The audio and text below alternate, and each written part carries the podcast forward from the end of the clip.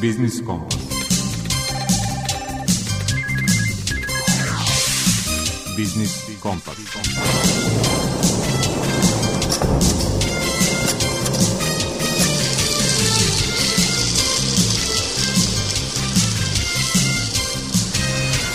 Pred mikrofonom je Đuro Vukelić.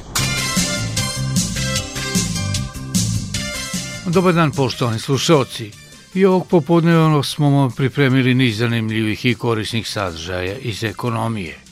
Uobičajeno tematski deo Biznis Kompasa započet ćemo rubrikom Aktuelno. Uz najavu sedme konferencije nazvane Biznis na štiklama, koja se sutra i preko sutra održava u Master centru Novosadskog sajma, sa predsjednicom Udruženja Biznis na štiklama Sofijom Bajić govorit ćemo o trenutnom položaju preduzetnica. Gost autor rubrike iz mog ugla je energetski analitičar Miloš Zdravković. Govorit će o ponudi mađarske elektroenergetske kompanije MVM za strateško partnerstvo sa elektroprivredom Srbije. U rubrici Svet preduzetništva rukovoditeljka projekata u regionalnoj razvojnoj agenciji Bačka Marija Prokopić najavljuje javni poziv Gradske uprave za privredu Novog Sada za subvencionisanje zapošljavanja. Aktualna i korisna tema je sadržana i u rubrici Predmet financije. Jelena Popović iz sektora za zaštitu korisnika finansijskih usluga Narodne banke Srbije govorit će o čemu treba da vodite računa kada u inostranstvu koristite platne kartice izdate u našoj zemlji. Razlika između rasprodaja i sezonskih sniženja dovodi do mnogih neprilika brojne potrošače. Razjasnit će ih u rubrici Potrošačka korpa prava pravni savjetnik u Udruženju za zaštitu potrošača Vojvodine Mladen Alfirović. I pre razgovora o ženskom preduzetništvu muzička pauza. Broke into the old apartment This is where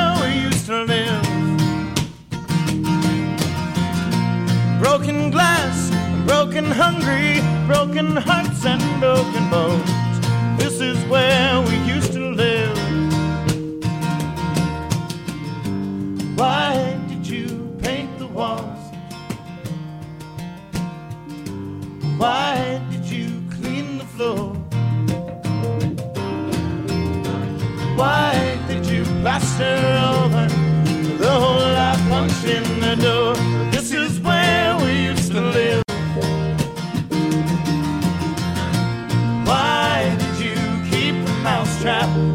Did you keep the dish rack? These things used to be mine. I guess they still are. I want them back. I broke into the old apartment. 42 stairs from the street. Crooked landing, crooked landlord, narrow laneway filled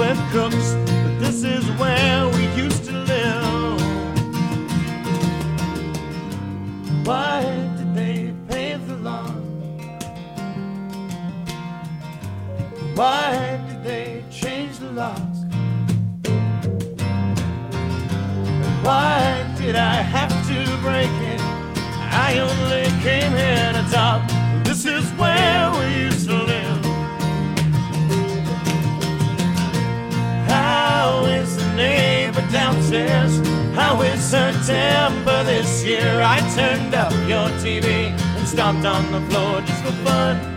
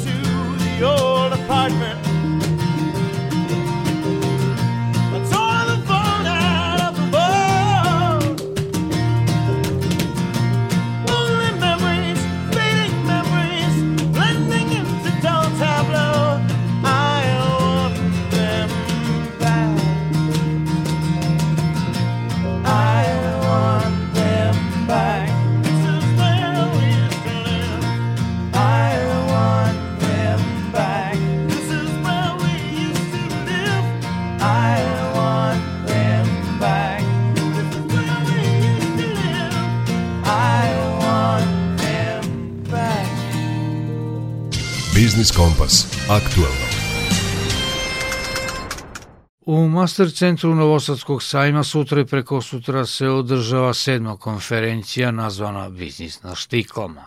Predsjednicu istoimenog udruženja Sofiju Bajić pitali smo šta se u proteklih sedam godina promenilo u položaju preduzetnica. Mi se trudimo da žensko preduzetništvo unapredimo, međutim promene su minimalne, ali nadam se da će to ovaj, kroz godine postati zaista jedan preokret i da će e, žensko preduzetništvo dobiti na značaju mnogo više nego što je bilo do sada.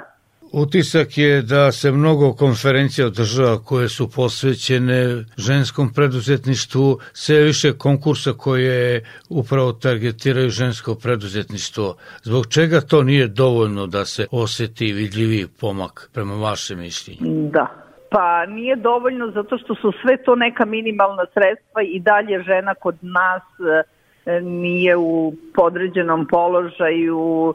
Što se tiče sredstava kojima može da garantuje dobar početak njenog poslovanja, nema imovinu na sebi i dalje je to na braći, na, na muževima i tako dalje, ali polako se stvari menjaju i žena danas želi da bude slobodna, a slobodna je jedino kad je finansijski nezavisna.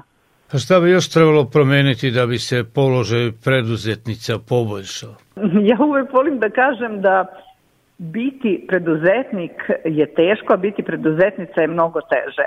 Već imam toliko godina i toliko iskustva da bi bilo odlično kada bi se to u nekoj budućnosti napravilo tako da žena do svoje recimo neke 45. godine kada deca podrastu, bude sa decom do tih godine i onda da počne da se bavi preduzetništvom, a svakako bi bilo dobro da te svoje 45. godine uzimajući u obzir šta sve žena u toku jednog dana radi i što se tiče porodice, dece, kuće i sve, da to bude plaćen ženski rad i da ona ima i tu neku sigurnost i tu slobodu, jer ipak e, se poštuje i vredno je taj njen radi kod kuće.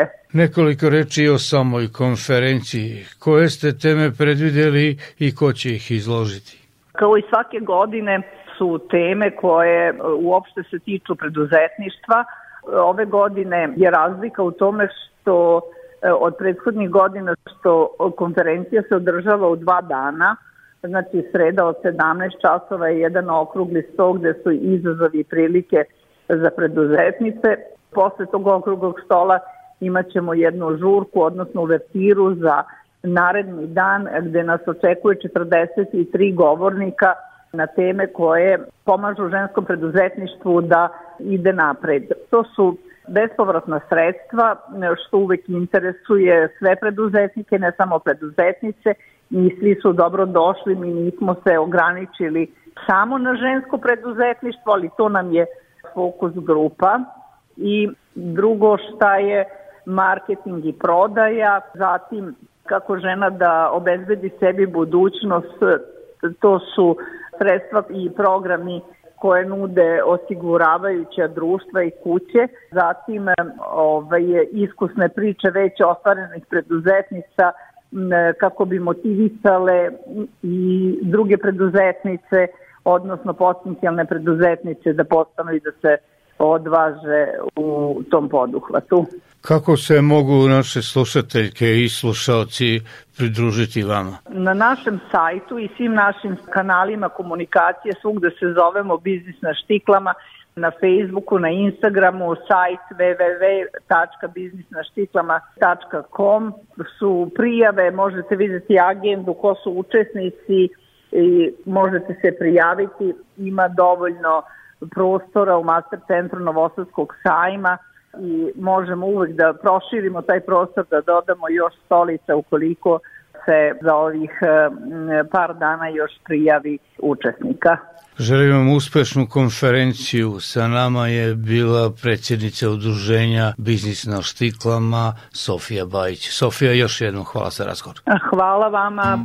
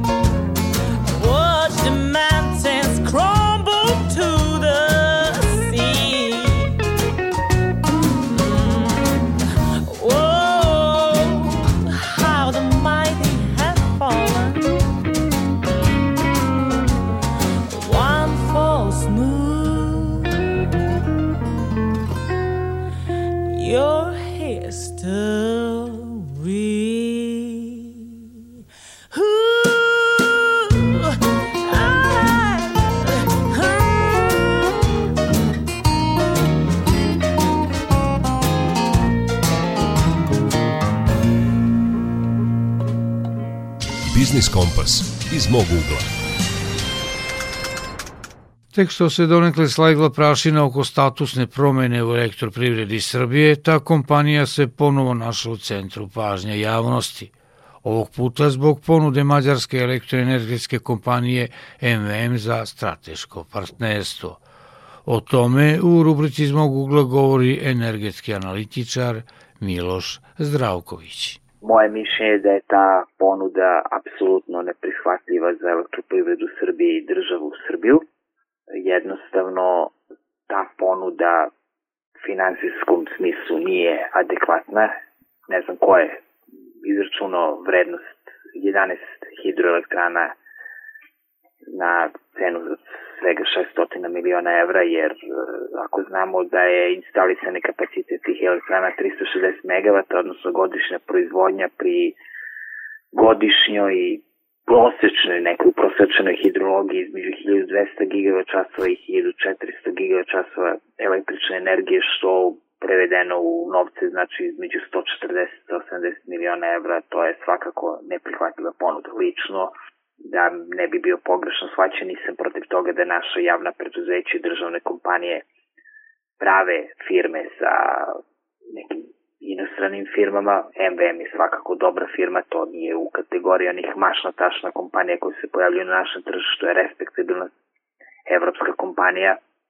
Pandam našem EPS-u, koja u svom vlasništvu ima i nuklearnu elektranu Pakš, ali ponavljam, za Srbiju i bi bilo jedino prihvatljivo da ako mi dajemo novac i Mađari daju novac, ako mi dajemo instalisane kapacitete, odnosno proizvodne kapacitete, da to moraju da daju i Mađari. I drugo pitanje koje se postoje, ono što sam na početku rekao, ko je taj ko je procenio vrednost 11 hidroelektrana i zemljišta za perspektivnu izgradnju novih hidropotencijala na svega 600 miliona evra. EPS nema alternativnu budućnost. EPS je kičma ove zemlje, najveći poslodavac u ovoj zemlji i svakako naša najvrednija kompanija. Ona je decenijama poslovala na najbolji mogući način, bila najjača energetska i uopšte kompanija u ovom delu Evrope. Da podsjetimo samo instalisani kapaciteti TNT termoelektrane Nikola Tesla su veći od bilo koje nuklearne elektrane u okruženju. EPS ima mogućnost da uvozi, odnosno izvozi struju u 23 pravaca. Mi smo uvek proizvodili više električne energije nego što smo je trošili. EPS je obezbeđivo i obezbeđuje energetsku stabilnost i ekonomsku sigurnost građanima naše zemlje i uz dobar menadžment, a to je pokazao aktualni menadžment, vidimo da EPS može da nastavi u ovakvom formatu da, da, da, da radi i da se razvija. Jednostavno treba samo skloniti politiku od EPS-a. Jednostavno da se ne vraćamo na tu priču šta se sve desilo. Trenutni menadžment pokazatelj da u EPS-u ima stručnih i pametnih ljudi koji su za godinu i po dana EPS izveli na zelenu granu. EPS godinama radi i razvija svoju mrežu. Naravno, poslednjih decenija se u državi Srbiji e, ništa ozbiljno nije gradilo, pa tako nije bilo ni u elektroprivredi, ali to svakako nije greška samo EPS-a, odnosno rukovodstva EPS-a. E, da podsjetimo vaše slušalce, veoma je bitno da se to pomene, da je recimo u periodu 90 kad cene električne energije nisu bile visoke na evropskom tržištu, da je EPS godišnje gubio između pola milijarde i 1,2 milijarde maraka na godišnjem nivou, zato što je svoju u, prodavu u Srbiji našim e, domaćinstvama našoj privredi, a nije izvozio na evropsko tržište. Taj trend se nastavio i u periodu posle 2000-te jednostavno EPS je služio državi za kupovinu socijalnog mira. Da je EPS novce koje je zarađivo i profite koje je ostvarivo ulagao u nove proizvodne kapacitete sigurno bi bio mnogo jača kompanija nego što je sada. A jednostavno i mnoge odluke, mnogi, mnogi projekti nisu pokrenuti baš iz tog razloga što imamo političare takve kakve imamo. Jednostavno projekti Đerdap 3 projekti e, reversibilne elektrane e, Bistrica, nekih novih hidroelektrana su stajali ne zbog rukovodstva EPS-a, nego zbog ne ovog sadašnjeg, bilo kog prethodnog, nego zbog, to su političke odluke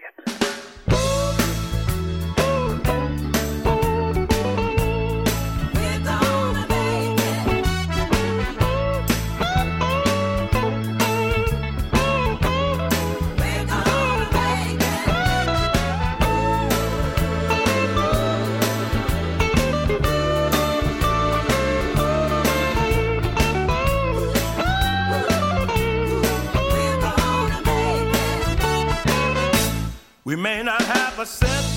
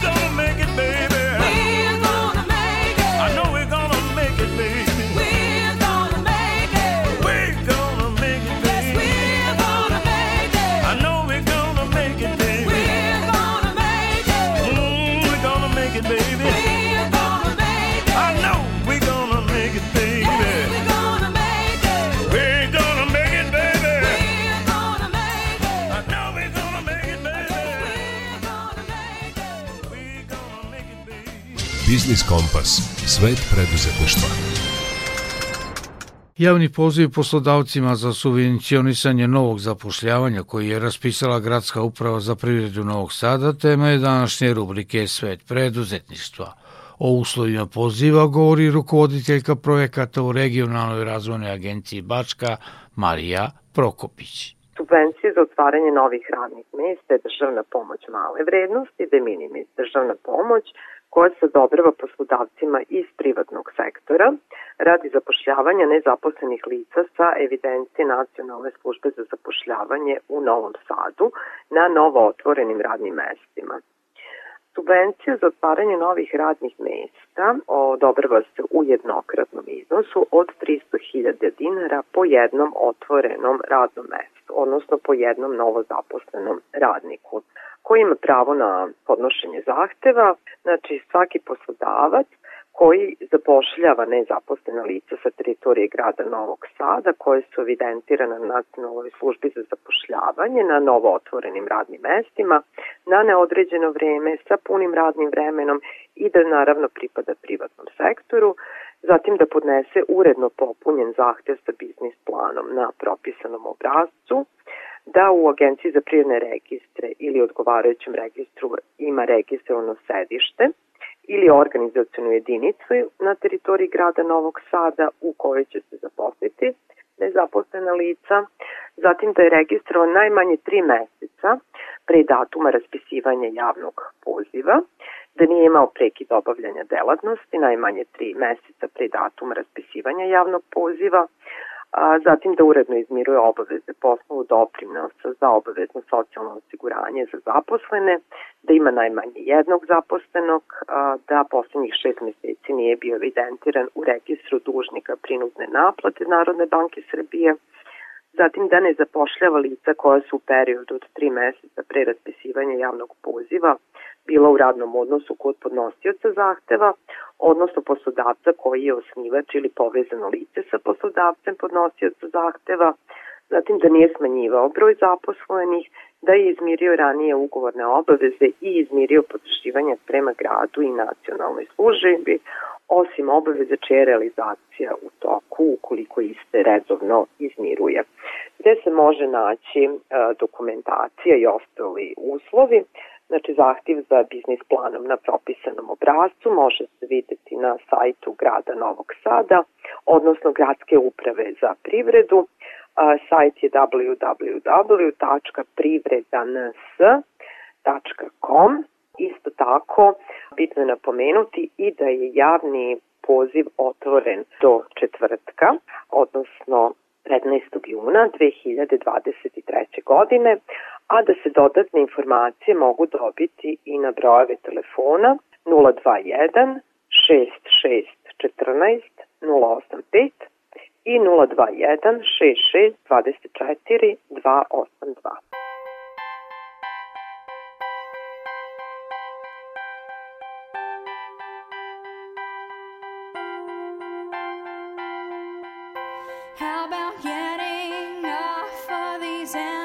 antibiotics.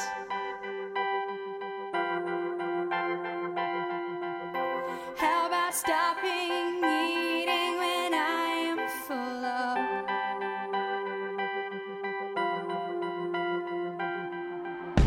How about them trying?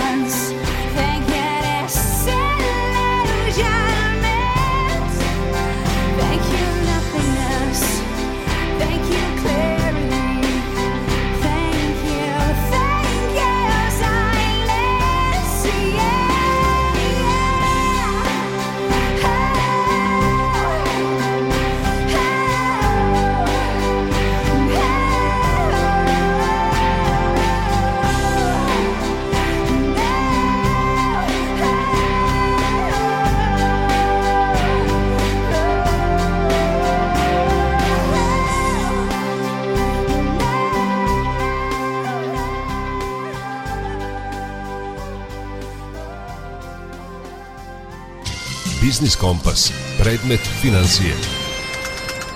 Sa letnjim mesecima i turizmom srazmjerno se povećava broj pritužbi građana vezano za korišćenje platnih kartica domaćih banaka u inostranstvu.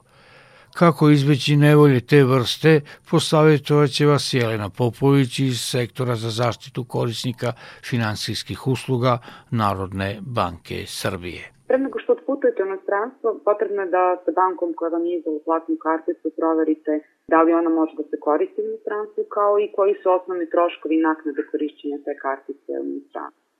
Da podsjetim, postoje dve vrste platnih kartica, debitna i kreditna. Debitna kartica vam omogućava plaćanje i podizanje gotovine do visine sredstava koje imate na računu, a pojedine banke dozvoljavaju i mogućnost raspolaganja sredstvima po osnovu dozvoljenog minusa dok boravite u inostranstvu. Kreditna kartica vam omogućava korišćenje sredstava kojima vas banka kreditira do limita utvrđenog prethodno zaključenim ugovorom. Po našoj evidenciji najveći broj prigovora građana je vezan za korišćenje platne kartice u inostranstvu i on se odnosio na troškove provizije prilikom podizanja novca bankomata ili šaltera banke, kao i na troškove nastale prilikom konverzije valute tokom plaćanja karticom. Visina provizije za korišćenje bankomata u inostranstvu razlikuje se zavisno od vrste kartice, iznosa koji se podiže, a naravno i same banke. Ukoliko nemate mogućnost da na prodajnom mestu izvršite direktno plaćanje karticom i primorani ste da podignete novac bankomata, u tu svrhu koristite debitnu karticu jer su provizije najčešće niže nego provizije na osnovu korišćenja kreditne. Pojedine banke u inostranstvu ne naplaćuju proviziju, proviziju za podizanje nosa debitnom karticom ukoliko imaju takav ugovor sa vašom matičnom bankom u Srbiji. Česta je zabluda korisnika da banka u inostranstvu neće naplatiti proviziju za podizanje nosa bankomata ako pripada istoj bankarskoj grupaciji kao banka koja je izdala karticu u Srbiji. Sve poslovne banke u Srbiji su zasebne pravna lica, zato provizija za podizanje novca e, bankomata neće biti naplaćena samo ako su banke međusobnim sporazumom regulisale to pitanje i to je ono što treba proveriti sa bankom pre nego što otputujete na stranu. Potrebno je da imate u vidu da se provizija za podizanje novca s bankomata u inostranstvu kreće od minimalno utvrđenog iznosa koji nije vezan za sumu novca koja se podiže, tako da se neretko dešavalo da korisnicima bude naplaćena već provizija za podizanje novca s bankomata od samog iznosa koji su na tom bankomatu podigli. Za veće iznose novca, a ponekad i za bilo koji iznos, inostrane banke naplaćuju proviziju koja se meri u procentualnom iznosu sume novca koju građani podižu, te je neophodno da građani vode računa o visini novčanih sredstava koje nameravaju da podignu na dnevnom nivou, budući da pojedine banke imaju ograničenje i u pogledu ovog iznosa. Ako se ima u vidu visina provizije za korišćenje platnih kartica, povoljnije je koristiti karticu direktno kod trgovca, dakle plaćanjem putem post terminala. Prilikom direktnog plaćanja debitnom karticom provizija se često ne naplaćuje, a u slučajevima kada ona postoji, značno niže od provizije za korišćenje bankomata. Pre samog plaćanja treba da proverite da li prodajno mesto ima tip kartice koju posjedujete, odnosno da li prima. Ako ovo možete da utvrdite uglavnom uvidom u nalepnice koje su zalepljene na prodajnom mestu, savjetujemo vam da proverite i sa samim prodavcem. Ukoliko posjedujete platnu karticu koja zadužuje vaš dinarski račun, morate imati u vidu troškove konverzije valute, čija se visina razlikuje od vrste valute, a i same banke. Troškovi konverzije neće biti, odnosno neće ih biti, ukoliko posjedujete devizni račun u istoj valuti, povezan s vašom platnom karticom, koji će prilikom transakcije biti zadužen za odgovarajući iznos transakcije. Međutim, ukoliko vršite plaćanje u valuti koja je različita od valute na vašem deviznom računu, treba da znate da će banka u tom slučaju izvršiti duplu konverziju i to, na primjer, ako ste robu usluge plaćali u američkim dolarima, a devizni račun imate u evrima, banka će prvo izvršiti konverziju američkih dolara u dinare, a potom iz dinara u evre. Ukoliko je platna kartica vezana za dinarski račun, prilikom plaćanja karticom banka će nakon izvršene konverzije automatski rezervisati sredstva na vašem računu u odgovarajućoj dinarskoj protivrednosti. Međutim, treba da znate da rezervisanje sredstava ne znači da je banka naplatila uslugu korišćenja kartice, odnosno zadužila vaš račun, već samo da nemate mogućnost raspolaganja tim sredstvima na računu. Ukoliko ste plaćanje obavili u trenutku kad se ne vrši platni promet, uveče ili tokom vikenda, banka će kasnije zadužiti vaš račun i to za onaj iznos u dinarskoj protivrednosti po kursu važećem na taj dan. Drugim rečima, ukoliko je umeđu vremenu došlo do promene na deviznom tržištu, odnosno do pada vrednosti dinara, sredstva koja će biti skinuta s vašeg računa biće veća od onih koja su ranije rezervi. Korišćenje plaćnih kartica u inostranstvu podrazumeva ista pravila kao i u Srbiji, a to je da u slučaju krađe ili gubitka kartice odmah o tome obavestite banku koja vam izdala karticu kako bi se blokadom kartice sprečilo njeno neovlašćeno korišćenje.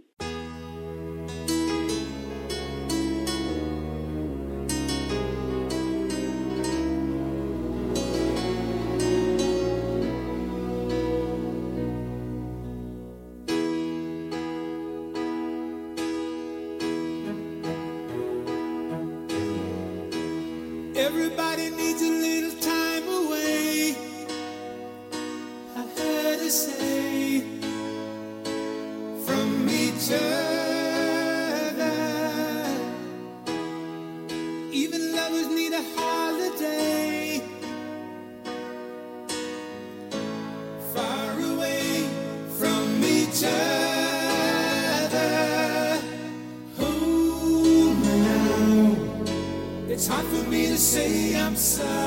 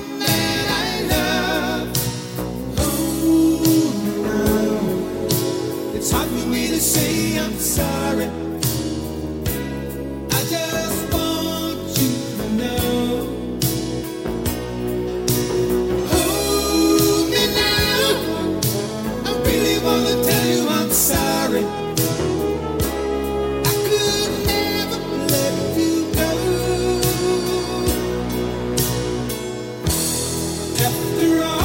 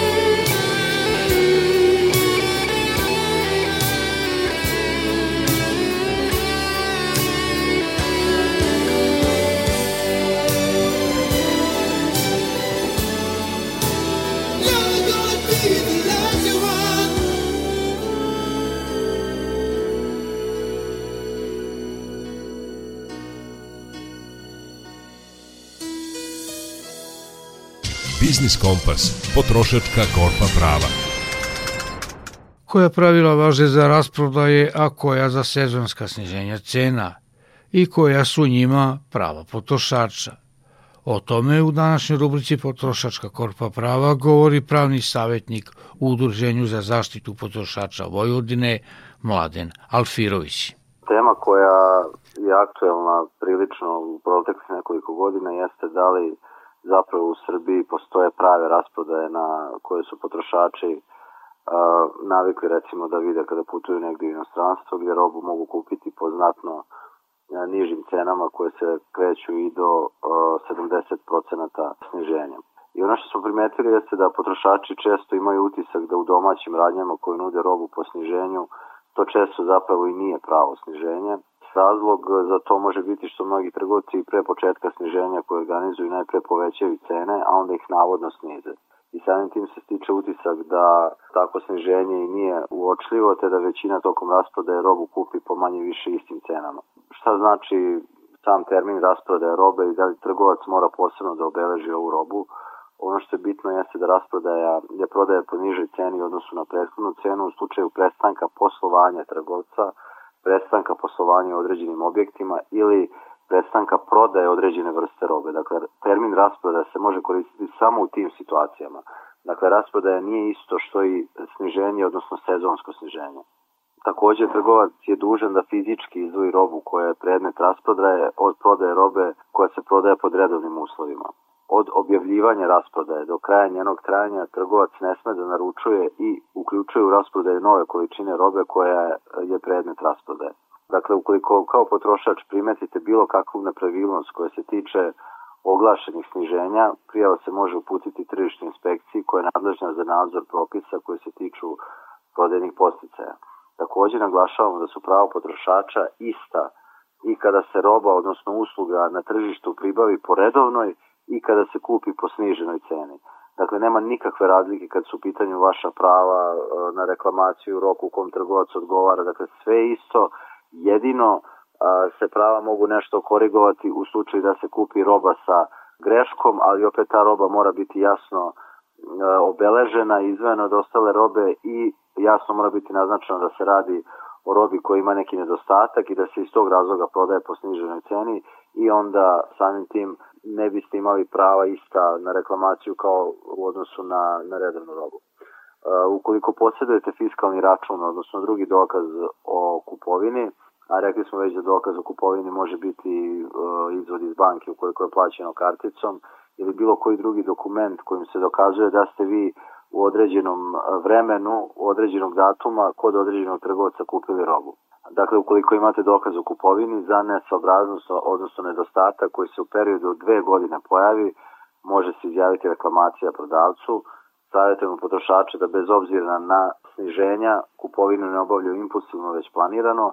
Jedan od razloga je i situacija kada kupovina se obavlja u maloprodajnom objektu, a recimo se predomislite, zakon o zaštiti potrošača samim tim ne propisuje mogućnost u takvoj situaciji da, da se roba vrati ili da se zameni, jedino ako na njoj postoji neki nedostatak, odnosno nesaobraznost. Robu možete vratiti samo ako je ona kupljena van posebnih prostorija, dakle online, i tada je rok 14 dana, bez navođenja bilo kog razloga.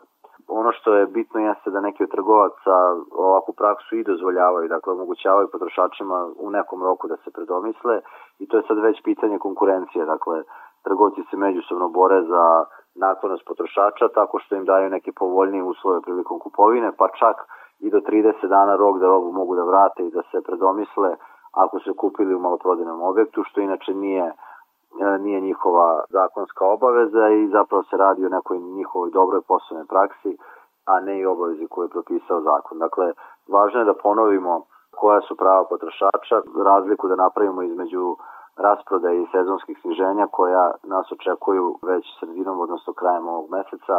To je takozvano letnje sezonsko sniženje, a u nekoj od sledećih emisija ćemo detaljno govoriti o tome kako je letnje sezonsko sniženje uređeno zakonom o zaštiti potrošača i zakonom o trgovini.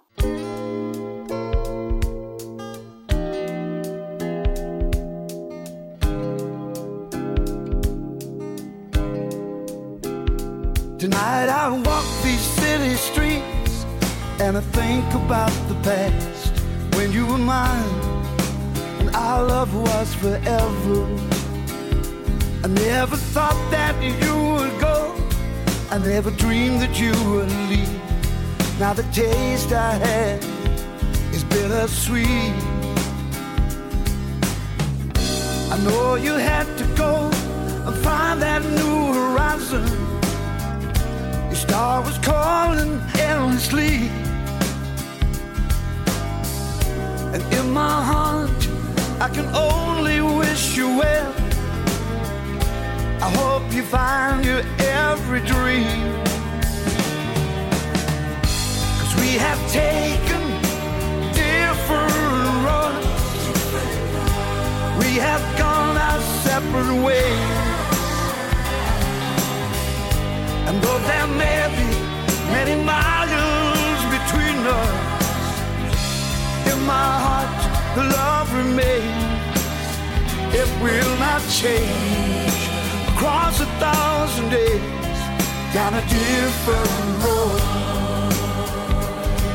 Oh, down a different road.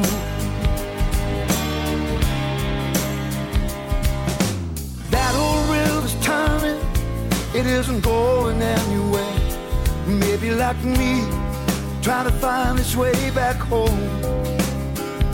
But all alone, can my heart rest? How will my eyes begin to trust? I only want the best for both of us.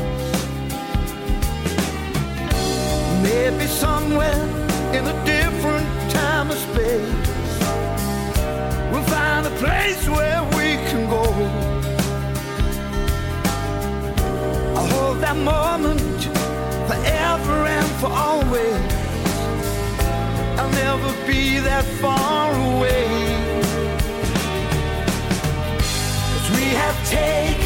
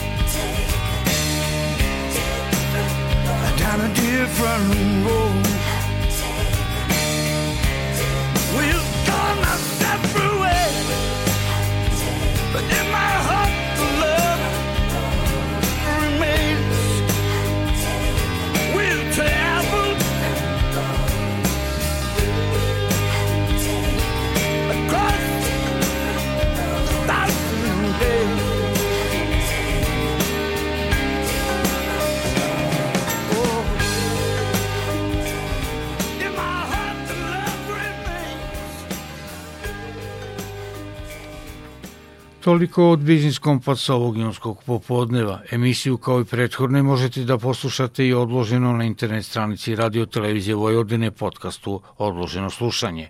Muzički urednik Zoran Gajinov, ton majstor Damjan Šaš i urednik emisije Đuro Vukilić vam naredni sastanak zakazuju tačno za 7 dana u isto vreme, dakle od 16.05 do 17 časova.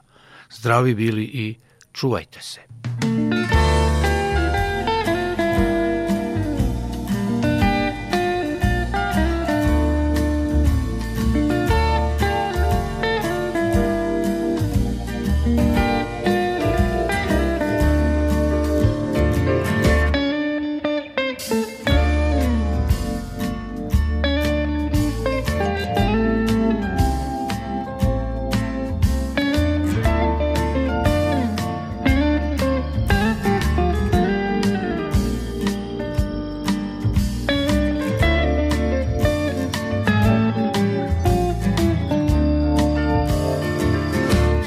a black magic woman. Got a black magic woman. I got a black magic woman that got me so blind I can't see. She's a black magic woman. She's trying to make a devil out of me. Don't turn your back on me, baby. Don't turn your back on me, baby. Yes, don't turn your back on me, baby. Stop messing around with your tricks. Don't turn your back on me, baby. You just might pick up my magic sticks.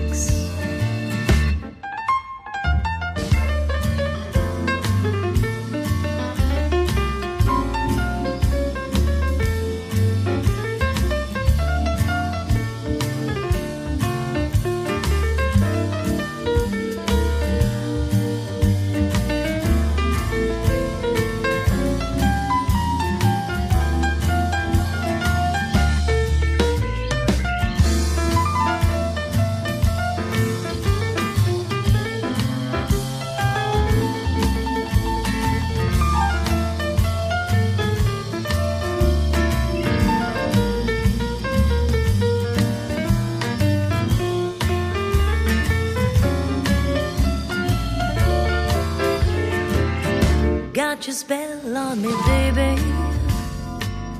Got your spell on me, baby. Yes, you got your spell on me, baby.